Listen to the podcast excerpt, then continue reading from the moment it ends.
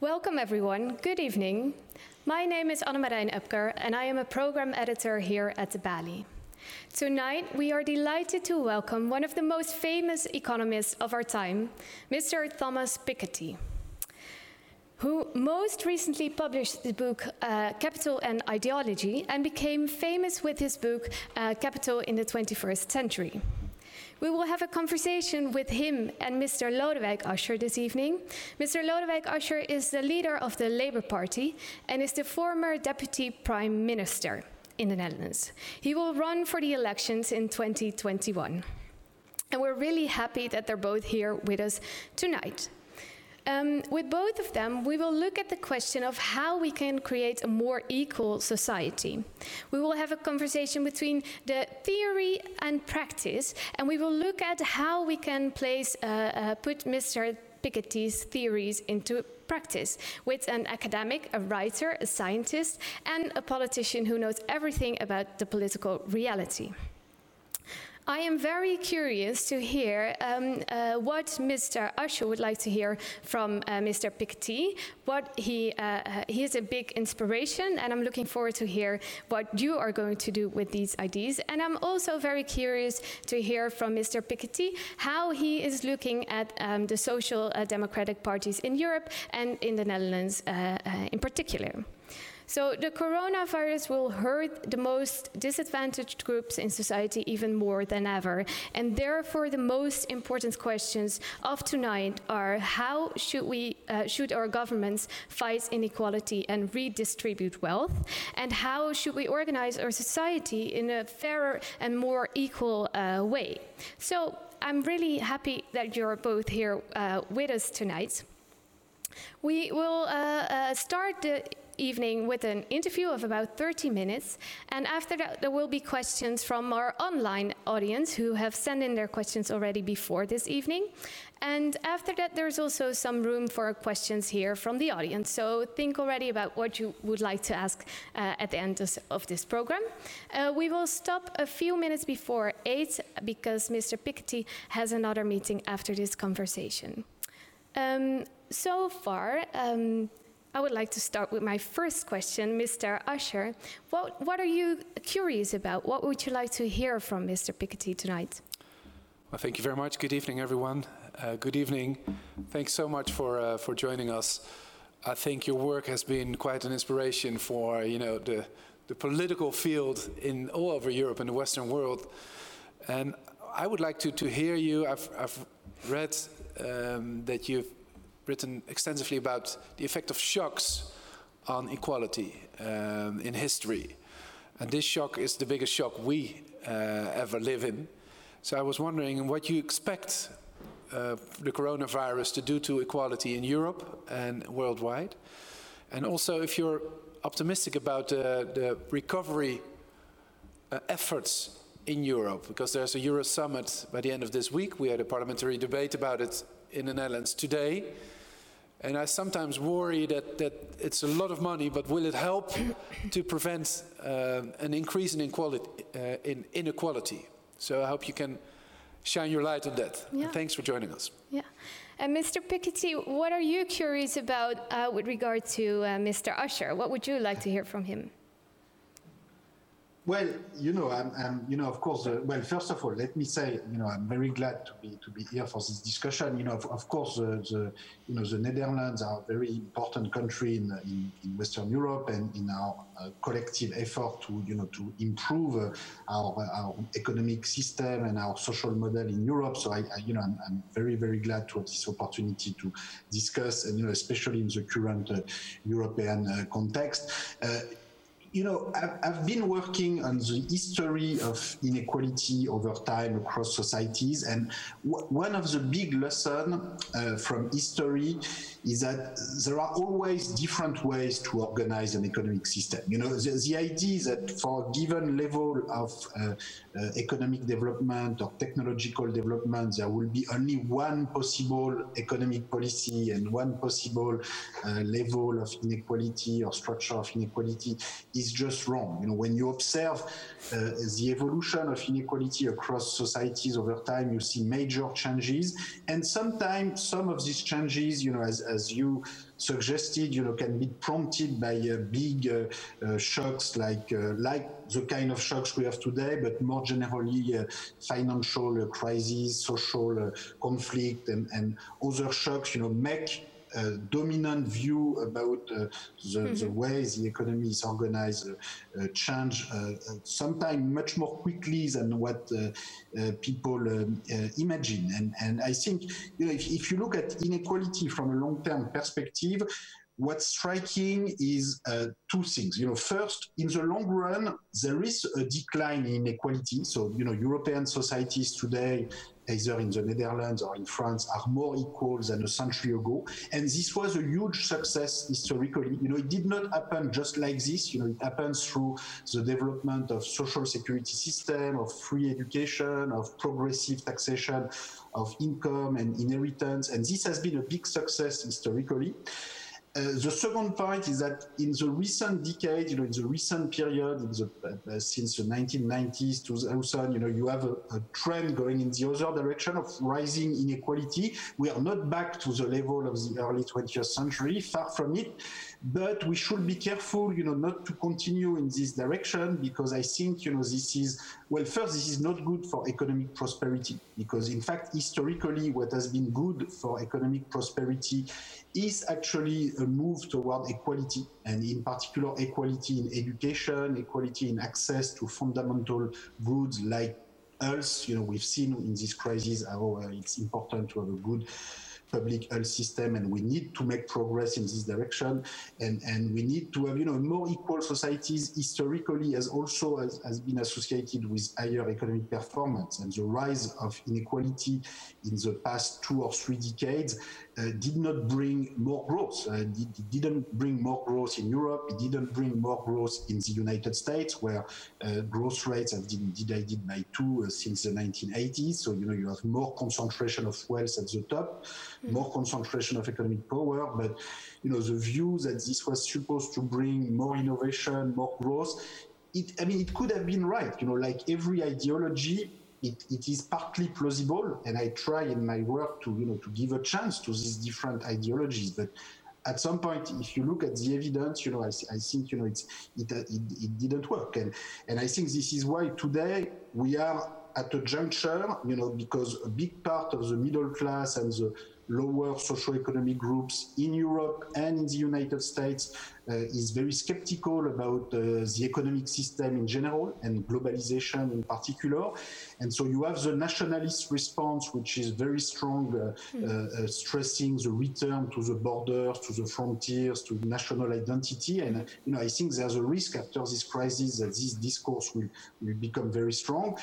And then on the other side, you know, I think it's important to imagine a different economic system on a different basis than the, than the nationalist ideology, on the, on the basis of uh, uh, more equality, redistribution. And, you know, I think uh, uh more investment in education and health is very important.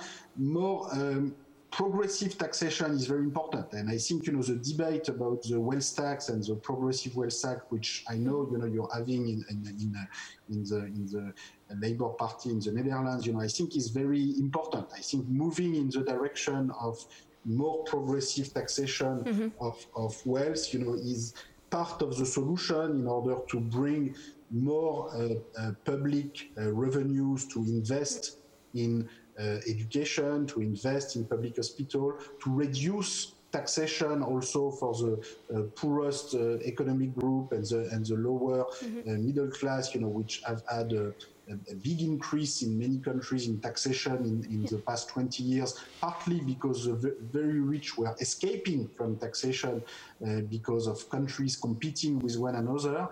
And so, yeah, maybe this know, is a good I, point hope to... we can, you know, in this discussion, uh, talk about this because, of yeah. course, the Netherlands has at the same time a very, uh, uh, you know, uh, uh, very high, high, performing social model, and mm-hmm. at the same time, it's also a, highly performing uh, tax havens in certain yeah. dimensions. And so, I think it's a part of the contradiction that we have to solve today in, in yeah. Europe. So one of the uh, big issues you mentioned is that we should reform the tax system, right? And I am wondering, uh, Mr. Asscher, what are you your ideas on this? Do you have any uh, uh concrete um, uh, measures you would like to address in your uh, election proposal? Yes, I think um, one of the problems Mr. Piketty has helped us understand is that we have always been quite successful in in trying to keep down income inequality in the Netherlands uh, through progressive income tax.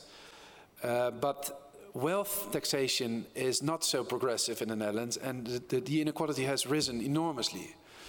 Uh, so I think there's two problems we need to address. The first one is the one uh, Mr. Piketty mentioned of big corporations not paying their taxes. Uh, the Netherlands has been uh, quite successful in helping them not to pay their taxes. Mm -hmm.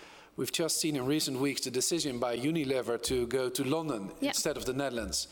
But it was the end of a pathetic competition between the Netherlands and the UK to get uh, Unilever to choose their country and mm-hmm. offering lower and lower and lower taxes that, of course, had to be paid by the employees mm-hmm. of Unilever in the end. So I will propose uh, a European level corporate tax, a mm-hmm. minimum level which isn't there, but this will help to stop the race to the bottom. What would be this minimum percentage? I would say at least 25%. 20. And for the Netherlands, we should aim higher. It used to be much higher. um, and second, um, when it comes to wealth, I think we need a new system for wealth taxation for individuals, which is progressive. So the people who have, you know, been saving for their old age, uh, you should you know, help them up to uh, a level of 60,000 euros to not mm -hmm. pay wealth tax, mm -hmm. but then it should go up mm -hmm. uh, at 1% until 100,000, at 2% for the next step, up until 5% for everyone owning more than mm-hmm. 5 million euros. If we would do this and if we would be successful, mm-hmm. this will be in our manifesto for the, the upcoming general election, mm-hmm. that could enable us to, to, to collect um, well, we, ha we, will have the central agency uh, try and, and, check how much it would be, but over 2 billion euros to invest in wages, uh, to invest in lowering taxation for workers, to mm-hmm. invest mm -hmm. in the public sector. Mm -hmm. So it's, it's extremely important because the Netherlands is affected by the coronavirus. And the coronavirus economic crisis will, will increase inequality, increase despair, uh, the cynicism and, uh, and the skepticism about the economic model and, and the political system we live in. So we have to respond by uh, presenting more radical proposals mm -hmm. to change that. Yeah. So you just mentioned already two quite radical uh, uh, proposals, I, I, can say. Mr. Piketty, how are you uh, listening to these proposals? What do you think of it? Are they radical enough or too radical? Well, you know, no, I think, you know, I, I, I very much uh, welcome and support uh, this kind of proposal. Maybe we can come back later to the issue of the European uh, tax harmonization and, and uh, you know, and, and, the European recovery plan, which I did not really answer about in my in the first question. But but beginning with the wealth tax proposal, of, of uh, so if I understand well the proposal that you're putting on the table in the name of the Labour Party uh, uh, of of moving toward a system with a lower tax at the bottom, you know, for people who have relatively low wealth and higher tax rate for people who are, you know, multi-millionaire or people who have dozens of 1000000s mm -hmm. up mm-hmm. to 5% for the highest wealth level you know, I think this is going in the right direction, and I think, uh, you know, I, this is not. I think that's very important from an economic viewpoint, but I think also from a political viewpoint, this is the kind of proposal that can contribute to make a new kind of coalition uh, I mean, I don't want to interfere in your discussion with other political parties in Netherlands, but you know, you know much more than I do about this. But you know, I know that the Netherlands, like in France today, you know, has many political parties, very dispersed electorate, especially on the left-hand side of the political spectrum, and and I think in order to, to, you know to bring together some of these parties, I think it's important to have some strong and new proposal. And I think more progressive uh, taxation of wealth can, can be part of this proposal. And and I think you know the, the, the world is changing with respect to this kind of proposal. Let, let me tell you a personal uh, anecdote. You know, I, I, six years ago when I wrote Capital in the 21st Century, I remember I had a public meeting with Elizabeth Warren in Boston, and at the time, you know, she was very skeptical about the wealth tax. You know, she was saying, "Oh, maybe that's too radical," and and you know, four years later, uh, you know, she was uh, competing with Bernie Sanders, uh, and both were sort of competing as to who was going to propose the biggest wealth tax. And, you know, they didn't win the primary, but, but first, you know, they got a huge majority of the vote for all voters below age 50. So, you know, that's already something important. And in any case, you know, their specific proposal of creating a wealth tax has a huge majority support, not only in the Democratic electorate, but also in the Republican electorate. And, and recently there were polls also in Britain, you know, showing that the idea of a millionaire tax was very popular. In Germany, you know, I had a very interesting experience also, you know, six years ago, uh, at the time of my previous book, you know, I went to Berlin. I had a public meeting with uh, uh, SPD officials, and you know, Sigmar Gabriel at the time, who was a vice chancellor, you know, told me you know, wealth tax is dead. You know, we will never reintroduce a wealth tax. We will never support a wealth tax as a party, SPD. You know, I came back to Berlin just after the lockdown, you know, in, in February this year. I had discussion with, uh, you know, Olaf Scholz, with the new uh, SPD uh, vice chancellor, with the SPD leadership, and they are all competing including you know in their discussion with mm-hmm. Die Linke and other uh, parties on the left about who is going to propose the, the biggest uh, wealth tax. So you know I think public opinion is changing about these issues, not only in the Netherlands, but you know in, in the US, in Germany, in Britain, in, in you know in France. Certainly, people were very upset by the way you know, Macron, um, uh, uh, you know, increased taxation on lower income groups in order to pay for the repeal of the wealth tax, and this was very much at the origin of the yellow vest movement uh, two years ago. So, you know, I think there's a very big uh, social demand for more economic justice. You Do know, you think Francois Hollande was too... this crisis, you know, we, we need to yeah. hear this. Do you think Francois Hollande was too early with his proposals at the time? Because it, it, that you met know, with a lot of criticism. You know, François Hollande was not so clear in his proposal because the you know his, his 75% tax rate was not was not very clear. It's not clear whether he wanted to apply it to all incomes or to a specific uh-huh. group. So regarding the wealth tax, I think he was very very shy. You know, there was a actually it's, a, it's an interesting issue because when when when we when we think of reintroducing a wealth tax, you know, in France or in the Netherlands or in Germany or in the US, I think it's important to do it much better than the way it was done the previous times. In particular, you know, one problem with the French wealth tax is that uh, people could report basically anything they wanted in their in their wealth tax declaration, in the sense that there was very little control and there was no pre filled uh, wealth declaration basically. So people could, could uh, had to put themselves what they own whereas for income taxation you know it's all automatic you know. Yeah. so anybody with a wage income you know and including you know very low wage you cannot cheat you know. It's already in your declaration of income and you have to pay. That's that's it but for the wealth tax, somehow, you know, you could put whatever you want, and if you have a random control, then maybe there's a problem. But most of the time, there was no control. And you know, there was this famous story with this. Uh, budget minister of François Hollande, uh, Jérôme Cahuzac, you know, who, who, had a bank account in Switzerland, and uh, and you know he was in charge of making people pay tax in France, but himself had a bank account in Switzerland on which he was not paying tax, and he thought, you know, he believed that he could do away with it, that nobody will discover it, mm-hmm. and even after this. Uh, uh, uh, scandal and this terrible affair which happened right at the beginning of the Hollande um, uh, Hollande mandate, they actually, you know, they should have reformed the wealth tax so as to have an automatic transmission of information from banks to to to uh, to uh, tax administration, you know, including at the international level. But they did not do that. You know, they did not change the basic functioning of the wealth tax. So I think, you know, there was a lot of missed opportunity, which you know brings me also to another important point: is that you know social democrats. Uh, have already been in power in the past. I mean, in, they've been in power in the past either alone, like in France, or in coalition, like in Germany or in, in the Netherlands, in the case of your party.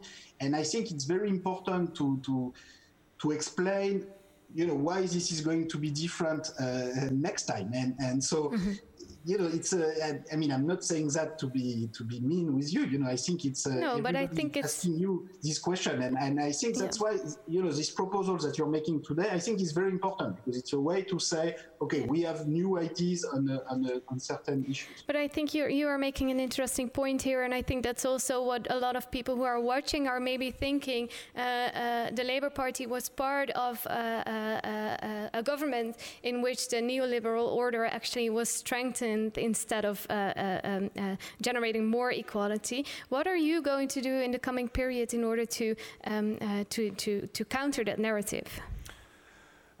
Well, I'm glad you call it a narrative because that is a narrative. I think uh, at the at the other the former crisis, um, the first big discussion was whether the stock owners would also pay for what happened, or if every you know bill would go to to the middle class and the lower income groups. And that was a fight in which I think uh, Jeroen Dijsselbloem was very important. I know he's hated in some parts of Europe, uh, but he said we cannot bail out uh, all the banks and the financial institutions if the stock owners themselves will not be part of that mm -hmm. solution. And by now, um, that narrative has changed and everybody accepts that that is the fact. But mm -hmm. until that moment, they had it, they had just a free ride, and, and you know the taxpayers would, would pick up the bill. I think this time around, and and and uh, Mr. Piketty has been quite important in changing the narrative and and the discourse on this issue. I think by now the, the only way to to really change it if is if all parties from the left work together mm-hmm. in making the argument that it's a matter of, of fairness and, and just taxation that millionaires will pay their share. Uh, stock owners will pay their share. So there have to be serious proposals. Uh, if we do not, if they're not substantial enough, they're only symbols. Uh, if they are too radical, mm-hmm. they will not be, you know, uh, really introduced. And if they're easy to evade, uh, people will, will, will not uh, see that they're adding to, to fairness to society. Yep. So I think the only way to, to actually change this in a world where in economic crisis some people will, will you know, put their faith in populist parties, like in France, same happens here. Uh, some people will vote for, for a neoliberal or conservative parties. The only way to change it is to work together with all parties on the left and demand for wealth tax and corporate tax mm -hmm. To be on a level which is which is fair. Yeah. And that is that is difference because I think the uh, the example of, of, Elizabeth Warren is a good example of how the the, the, the discourse has changed. Yeah. And that shows that not only the, the, the general public is ready for uh, more progressive wealth taxation, yeah.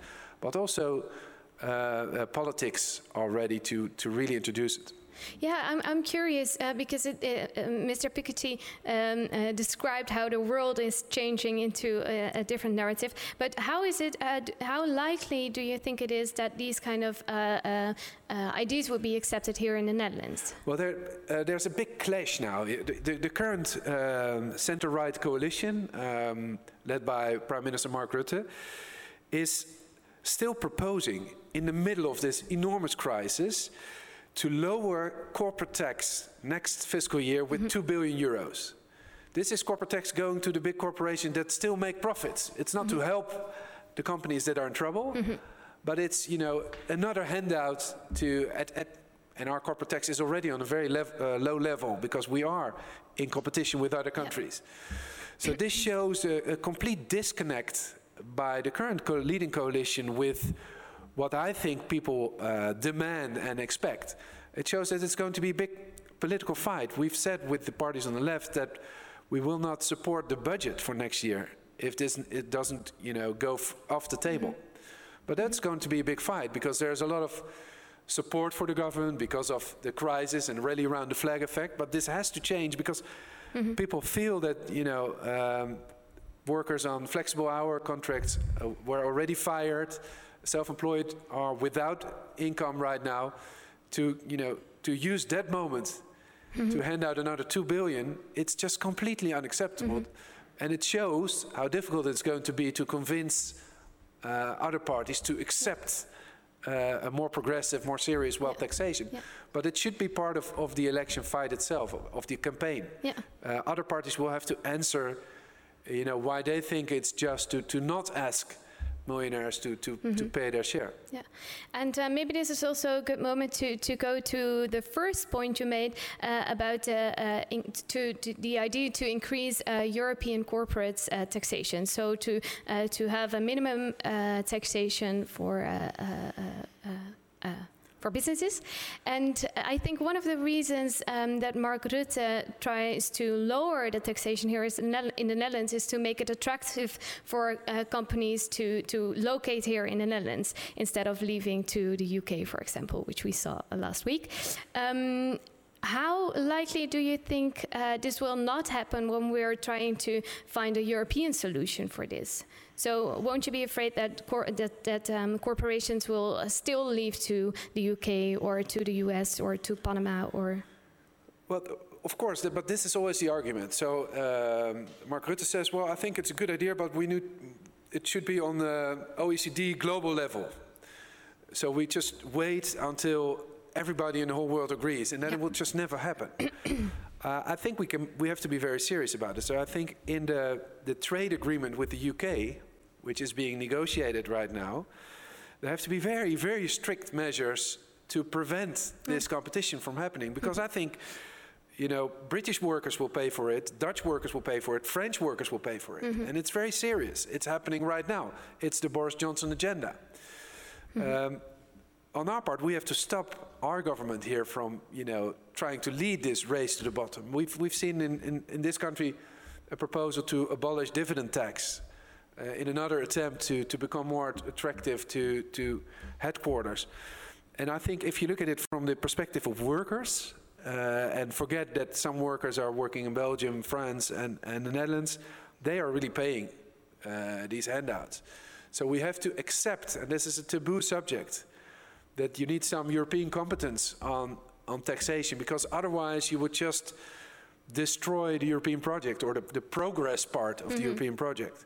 So you need a minimum level of corporate tax in Europe to stop the race to the bottom, and then um, then you get, a, I think, a more balanced debate on, on what is a fair amount of, of corporate mm-hmm. taxation. Mm -hmm. Should it be 25% or 30% or 35%? What is a, what is a fair level? Mm -hmm your second point, sorry, is that what will happen at the borders of Europe?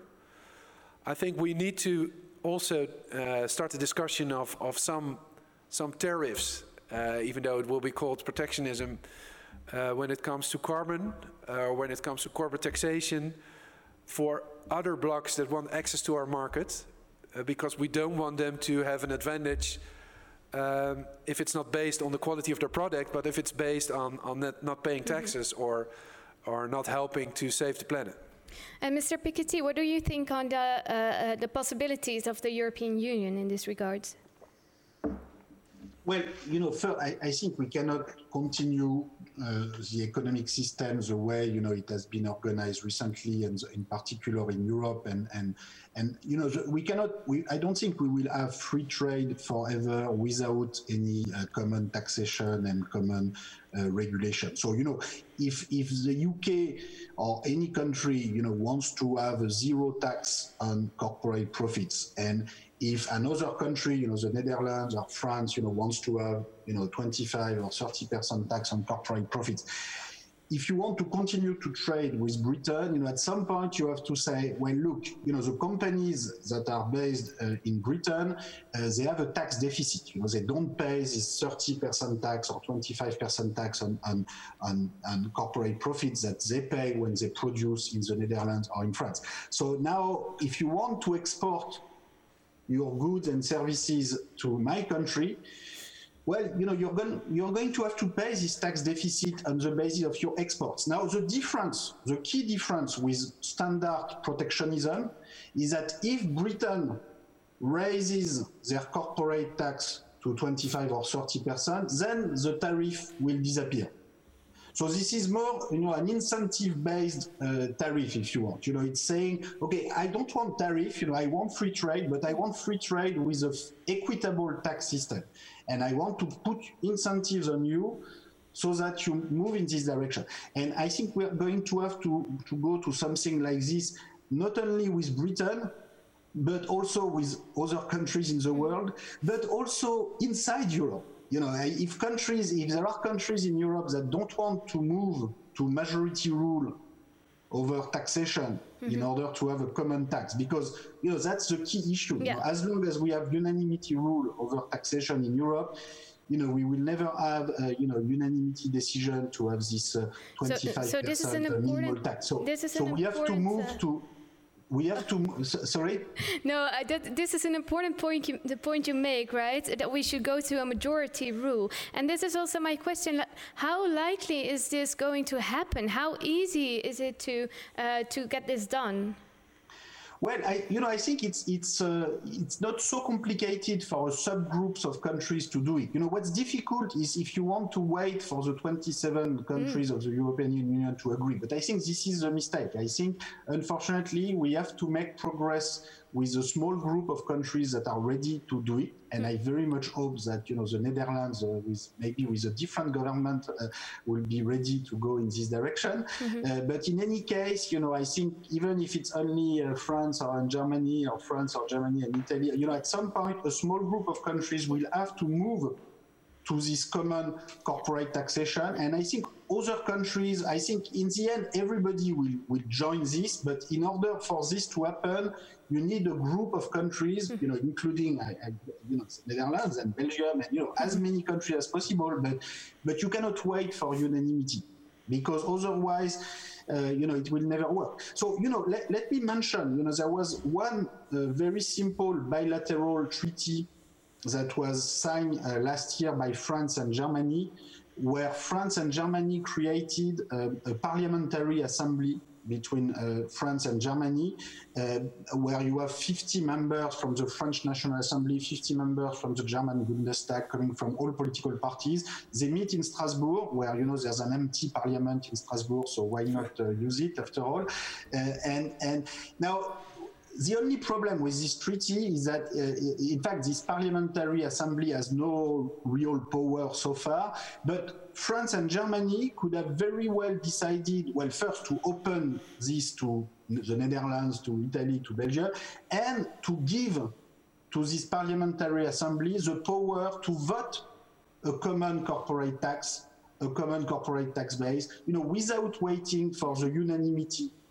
uh, uh, you know, of other countries to agree. Because, you know, I think even if we were to move to majority rule within the Council of Finance, uh, Minister of Finance or Council of of State, I think it will still not be fully democratic because, you know, this Council of Head of State and Council of Minister of Finance uh, as you know, they meet behind closed doors.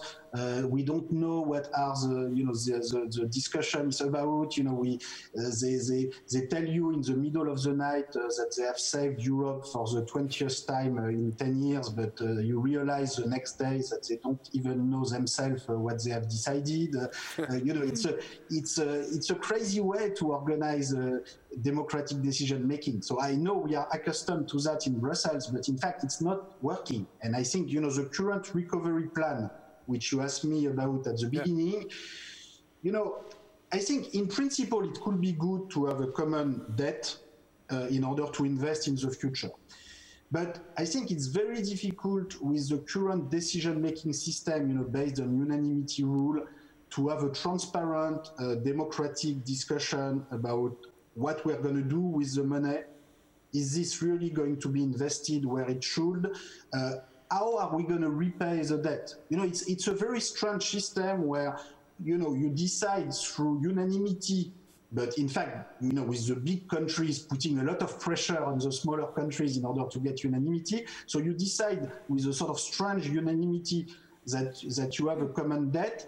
And then you say, okay, 10 years later, 10 years from now, we will also try to decide by unanimity of what kind of common tax we can create in order to repay this public debt. You know, this is a the, you know, we have a lot of imagination in Europe about, you know, imagining new, but this is really, I think, a bit crazy. I think it would be much simpler to have, you know, a parliamentary assembly uh, with majority rule decision making, with representative from each country, from each uh, political groups in each country. Mm-hmm. And I think today there will be a majority you know, if you take the public opinion in uh, in France, in Germany, in Belgium, in Italy, in Spain, in the, I think there will be a majority, at least in the eurozone, to you know to move ahead with a common taxation and, and more mm-hmm.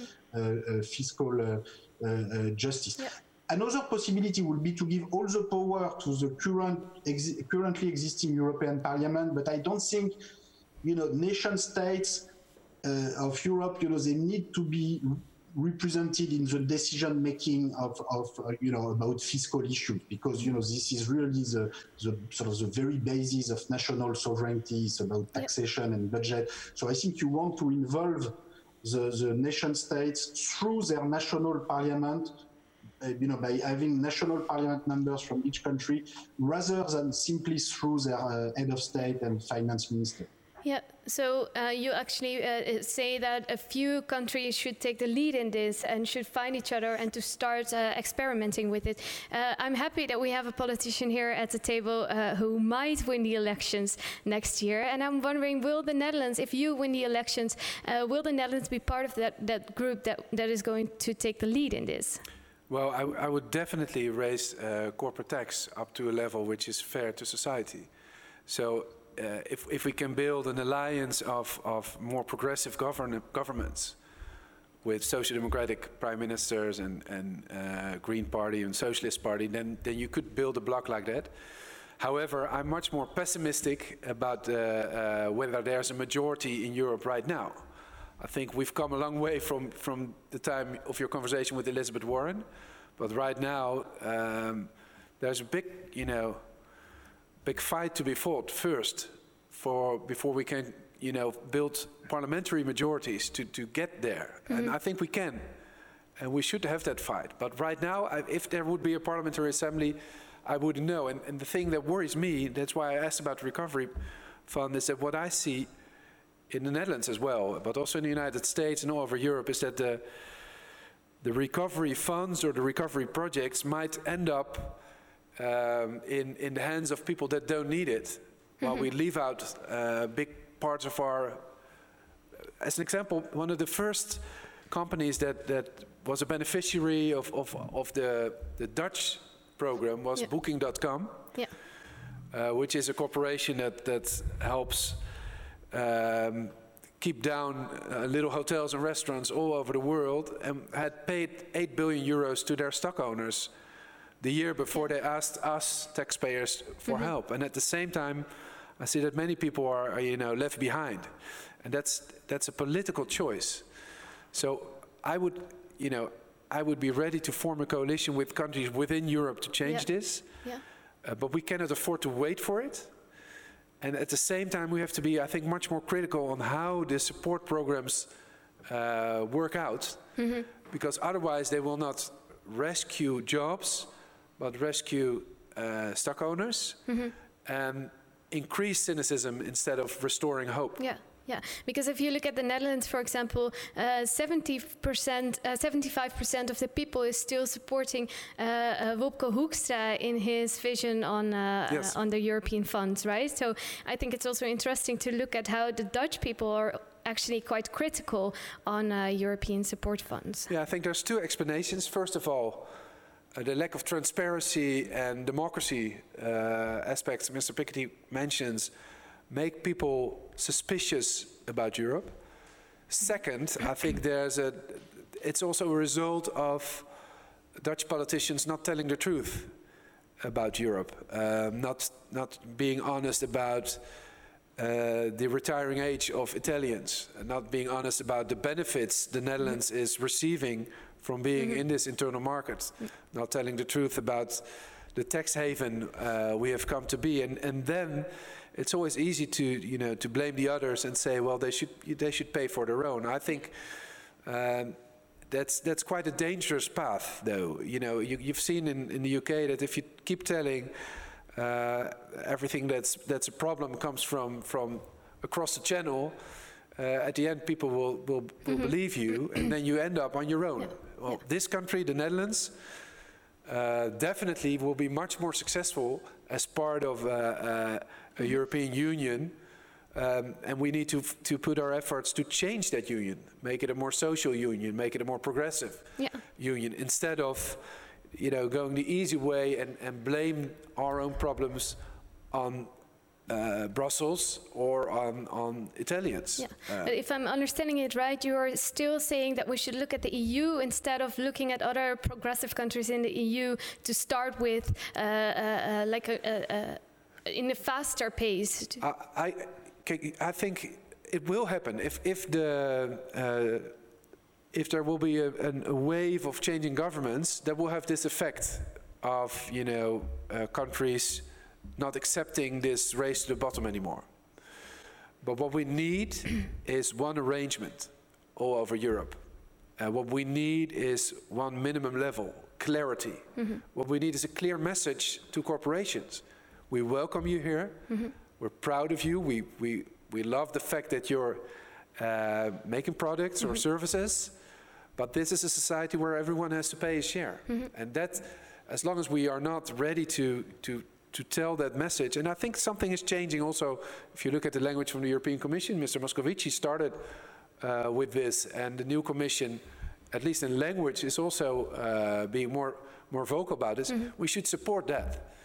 And uh, I think it's a group of countries is a, is a second best option, mm -hmm. um, but will not have the same effect. Right. But that's my opinion. Yeah, yeah, yeah. And we don't have to agree on everything here tonight. No. So uh, I'm happy there is also some discussion.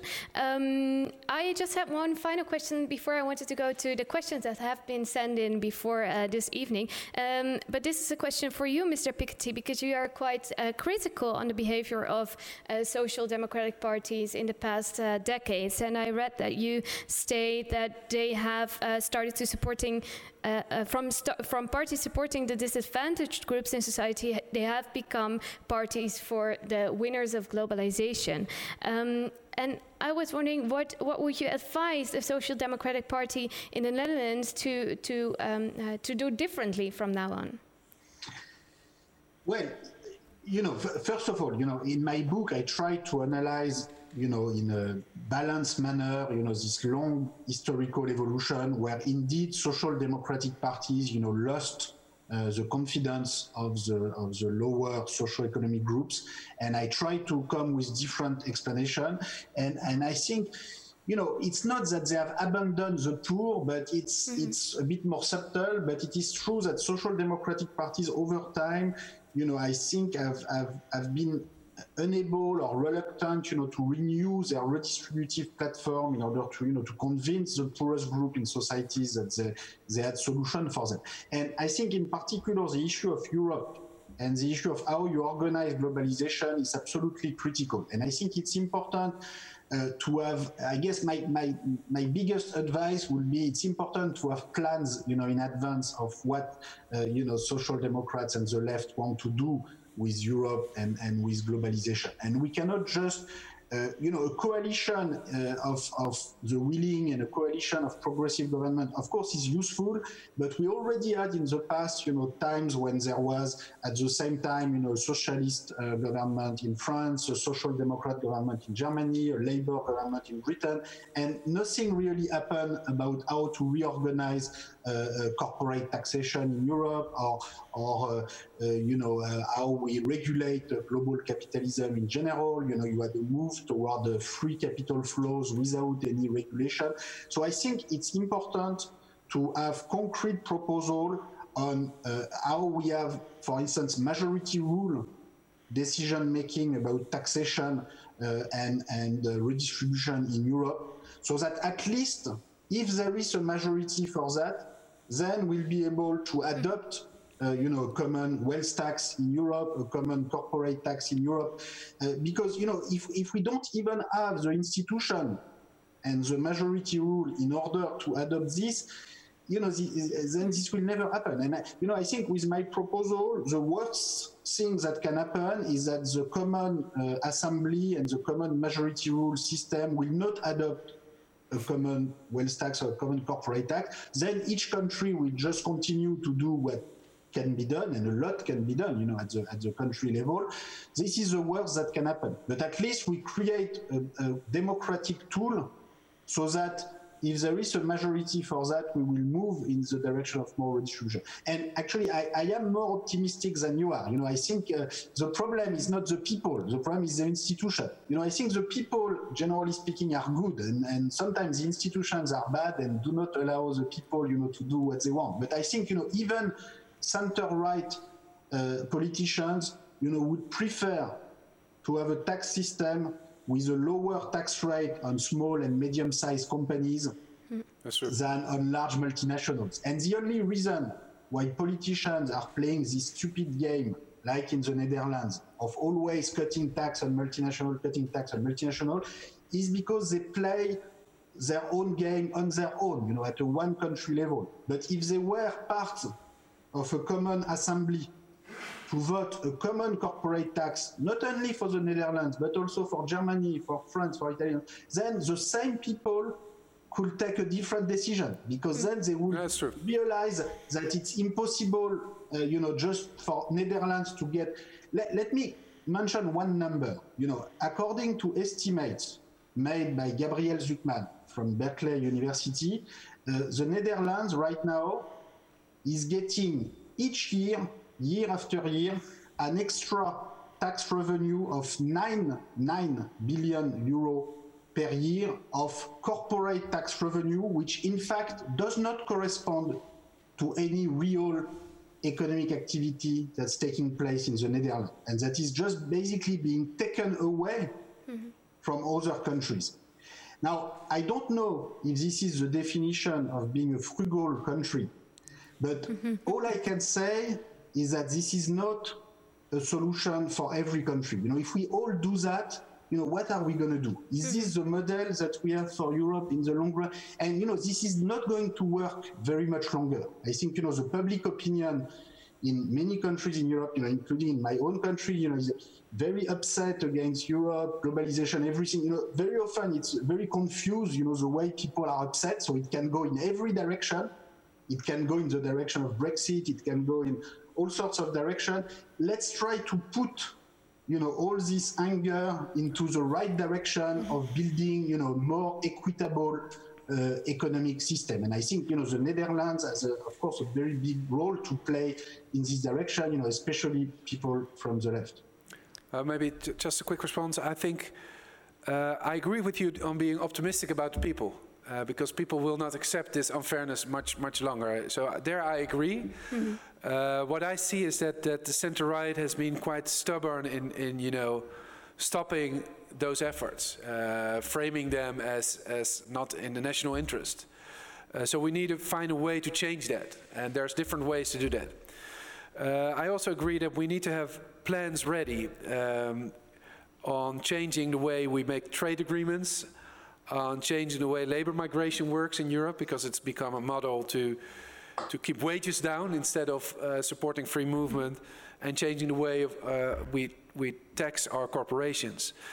Uh, but I think social democrats, they built the welfare states uh, we are enjoying right now.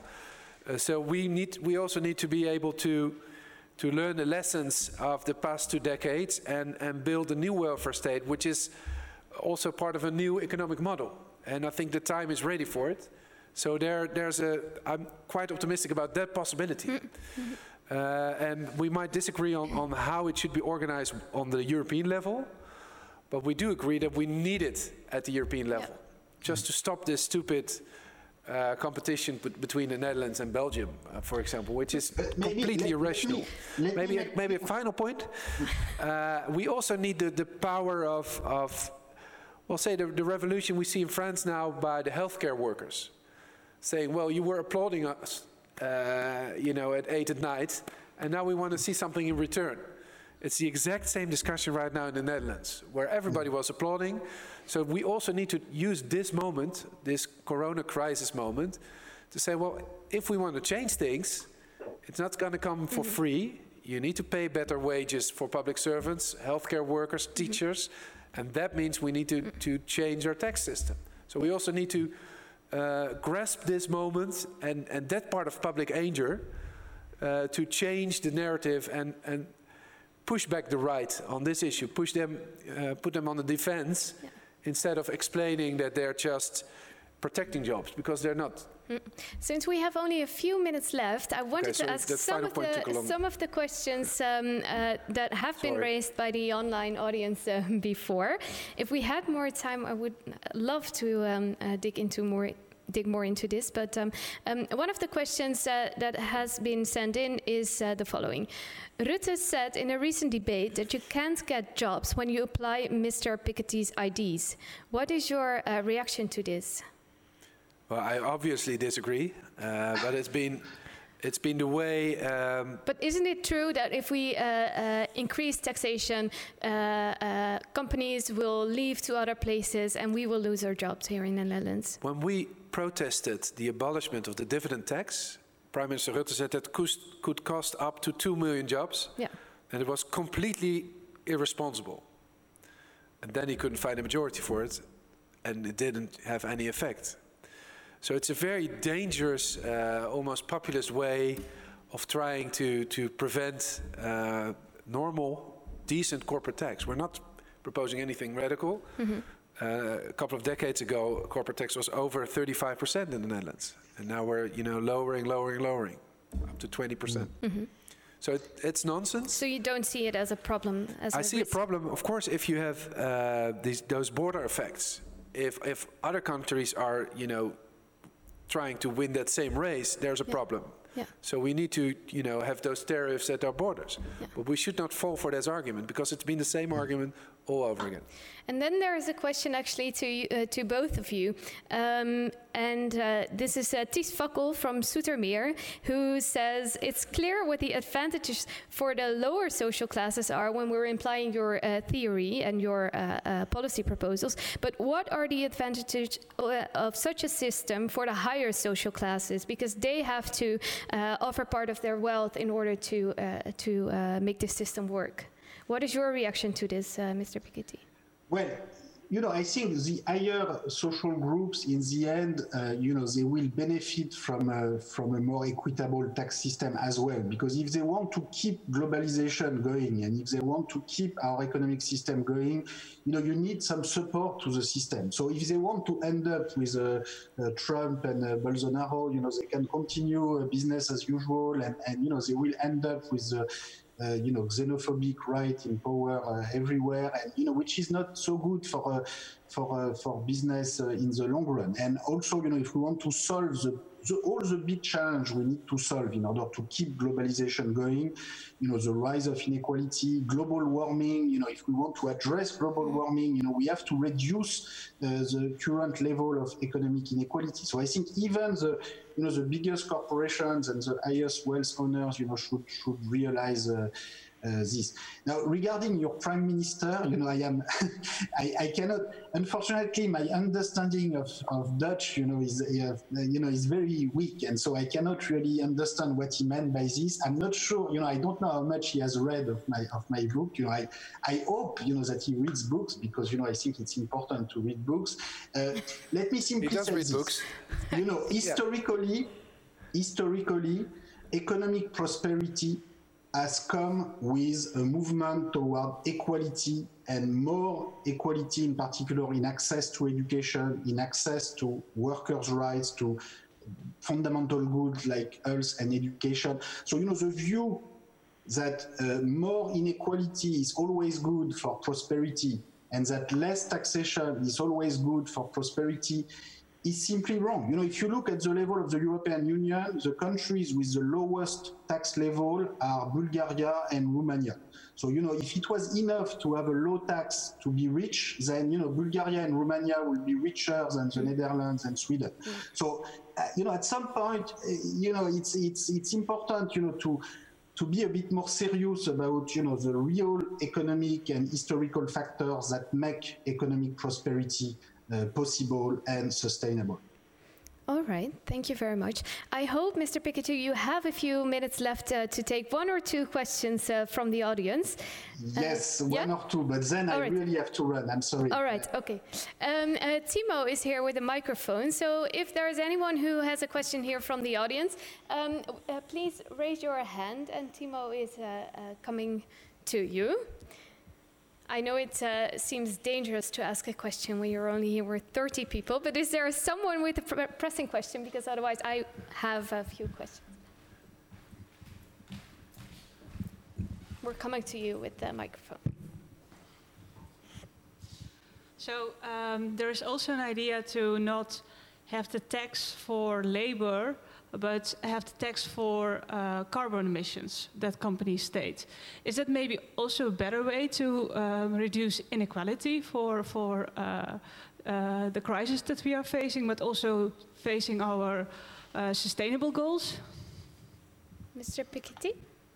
Yes, so in my in my uh, in my last book, uh, you know, I propose to to introduce um, an individual carbon card so that you can, in effect, uh, you know, make it illegal to, to, to have a carbon emission above a certain levels and more generally so that you can tax at very, very high level, you know, very large uh, levels of carbon emission and at the same time protect, you know, the people who have a more um, uh, responsible and more moderate level of carbon emission. So in other words, you need to have a progressive carbon tax, you know, because if you have a flat carbon tax, then you end up with the yellow vest in France, basically, where in effect you are taxing a lot, you know, the people who have their uh, just take their car to, to, to go to their work, whereas the people who take their plane to go uh, for a weekend to the other side of the world, you know, they very often they don't pay any of this carbon tax. So I think, you know, we'll, we'll have to move uh, uh,